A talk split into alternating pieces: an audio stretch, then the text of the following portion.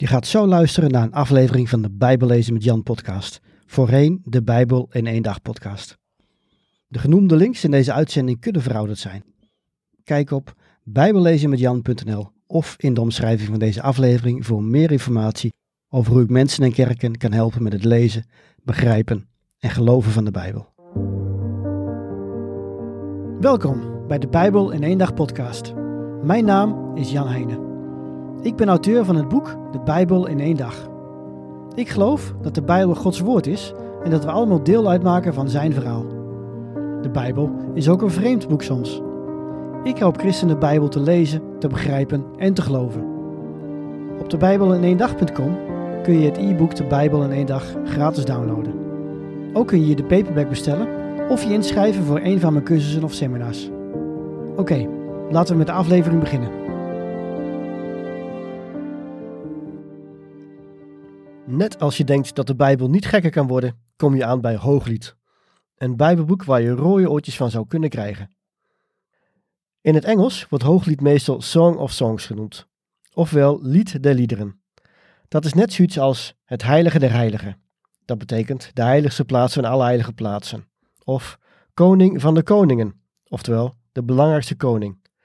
Hooglied is dan ook het hoogste lied, oftewel het meest verheven lied. De meeste Bijbelvertalingen zeggen dat Salomo de auteur van Hooglied is.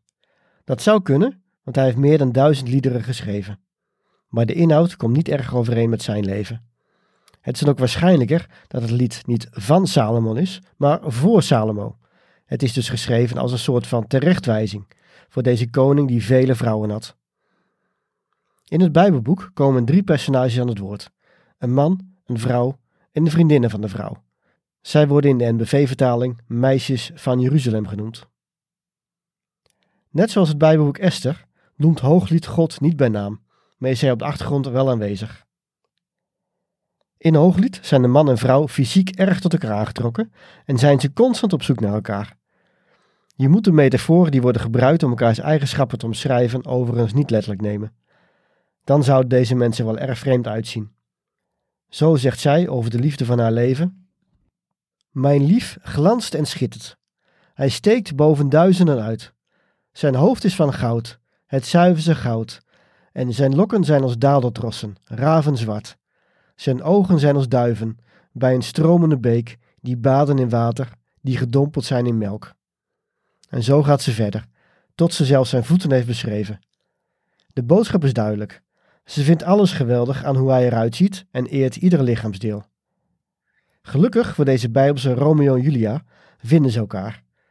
De gedichten eindigen telkens voor het stel gaat vrijen. Net zoals in een film het beeld op zwart gaat voor zo'n intiem moment. In het volgende gedicht zijn de twee geliefden weer op zoek naar elkaar en herhaalt zich de cyclus.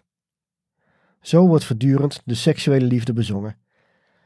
Het is prachtig om zo lief te hebben en zo geliefd te worden. Het verhaal heeft een open einde. De vrouw vraagt aan een man om samen weg te lopen. En dan is het afgelopen. Net zoals de meeste romantische films en boeken. De twee geliefden gaan samen verder en we hopen dat ze nog lang en gelukkig leven. Natuurlijk dringt zich de vraag op: waarom is dit boek opgenomen in de Bijbel? Wat wil God dat wij hiervan leren? Ik denk dat het antwoord op deze vraag uit meerdere lagen bestaat, die los van elkaar en allemaal tezamen waar zijn. Beetje als de schillen van een ui één ui vormen. De meest duidelijke laag is dat je de tekst min of meer letterlijk moet nemen. Het gaat hier om een man en een vrouw die elkaar lief hebben en zich intens tot elkaar aangetrokken voelen. Een laag dieper gaat het over God en Israël. Ook God verlangt naar zijn volk en het volk verlangt naar God. God is de man in het verhaal, Israël de vrouw en de liefde is het verbond met God. In het Nieuwe Testament schrijft de apostel Paulus in de kerk in Efeze bovendien over de liefde van Christus voor zijn bruid, de kerk. Dat is de derde laag in dit Bijbelboek. Christus houdt van zijn vrouw, van de kerk. Maar er is nog iets opvallends aan een bloemrijke omschrijving in Hooglied. De man en de vrouw gebruiken veel metaforen die te maken hebben met de natuur in het algemeen en tuinen in het bijzonder. In zekere zin doet Hooglied denken aan de Hof van Eden. Net als Adam en Eva voor de zondeval zijn de man en de vrouw in Hooglied naakt, onschuldig en nog niet aangeraakt door de zonde. Ze lijken wel volmaakt, zoals Adam en Eva eens volmaakt waren. Is dat niet mooi? Voor elke herinnering aan hoe perfect de aarde was voor de eerste zonde, is er ook een belofte aan hoe het eens zal zijn. Als je hooglied leest, wakkert dat hopelijk je verlangen aan naar hoe het eens weer zal zijn. En nu we hooglied ook besproken hebben, zijn we aan het einde gekomen van de poëtische boeken. Laat ik ze nog één keer samenvatten. Op het oog lijken de vijf poëtische boeken weinig met elkaar gemeen te hebben. Toch zijn er wel overeenkomsten.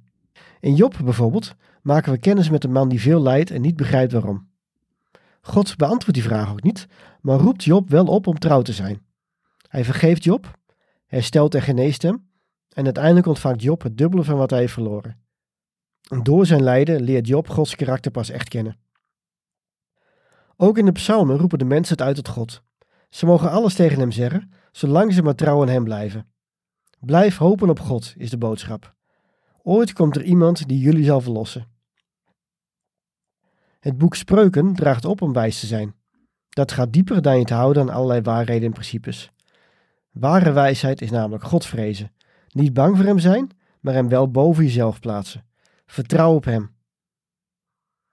Prediker belicht dit thema op een andere manier. Deze leraar lijkt de weg kwijt te zijn. Maar ontdek dan dat het leven wel degelijk zin heeft. Tenminste, als je op God vertrouwt. Dat is een nogal verstandelijke redenatie. Maar in Hooglied neemt het gevoel het over. Hier wordt de liefde tussen een man en vrouw bezongen. Maar het gaat verder dan dat. Hooglied gaat ook over de diepe liefde tussen God en Israël en over de liefde tussen Jezus en de kerk. Hooglied is ook een belofte.